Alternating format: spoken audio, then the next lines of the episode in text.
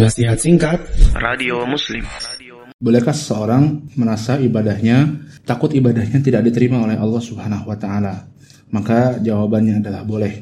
Bahkan eh, Allah Subhanahu wa taala mengatakan mensifati orang-orang yang eh, beriman dalam surat Al-Mu'minun ayat yang ke-60 Allah mengatakan walladzina yu'tuna ma atau wa qulubuhum wajilatun annahum ila rabbihim raji'un dan orang-orang yang memberikan apa yang ada pada mereka.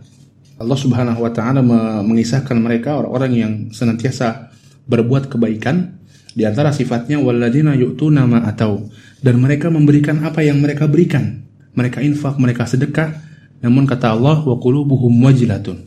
Hati mereka wajilah, hati mereka merasa takut.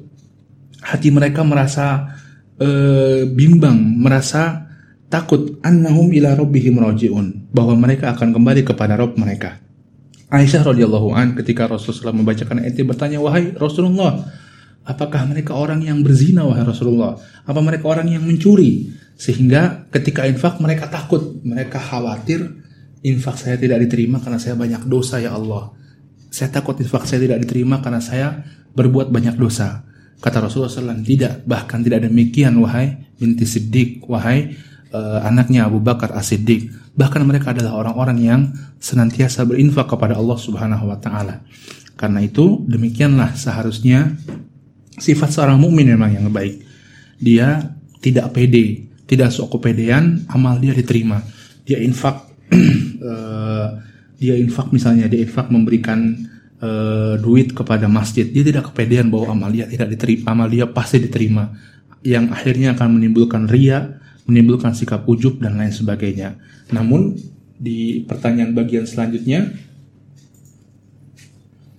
hingga akhirnya timbul kesedihan yang melemahkan hati dan fisik. Nah, ini yang tidak boleh di uh, yang yang yang tidak boleh dilakukan atau kemudian tidak pas untuk dilakukan.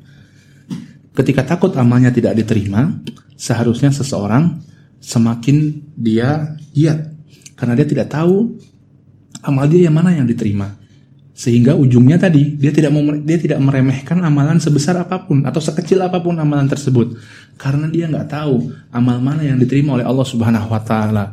Boleh jadi amal yang dianggap besar yang dianggap oh dia dia kerahkan semua kemampuan dia beramal tersebut. Dia kerahkan semangat dia beramal tersebut. Dia keluar banyak duit beramal tersebut. Tapi karena satu dan lain hal tidak diterima oleh Allah Subhanahu wa taala. Tapi ternyata Allah memasukkan dia ke dalam jannahnya, Allah memberikan rahmat pada dia karena sebuah amal kecil yang tidak dia sangka-sangka, eh ini yang justru diterima oleh Allah Subhanahu wa taala, ya.